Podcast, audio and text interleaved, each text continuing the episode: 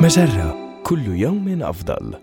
من هارفارد بزنس ريفيو أحد مواقع مجرة. إليكم النصيحة الإدارية اليوم.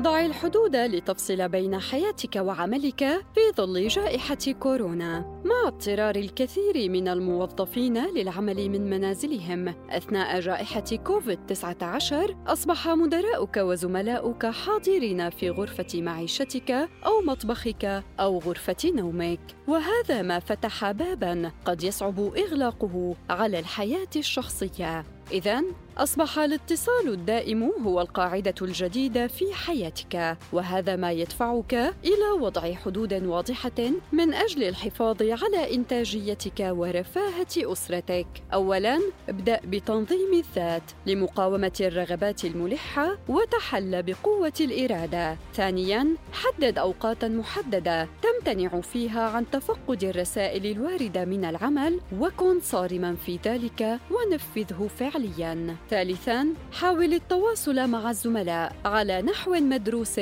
وليس عشوائياً. رابعاً، أرسل الرسائل الضرورية فقط وحاول أن تقللها قدر الإمكان. هذه النصيحة من مقال كيف تتأقلم مع شعورك أنك متصل دائماً.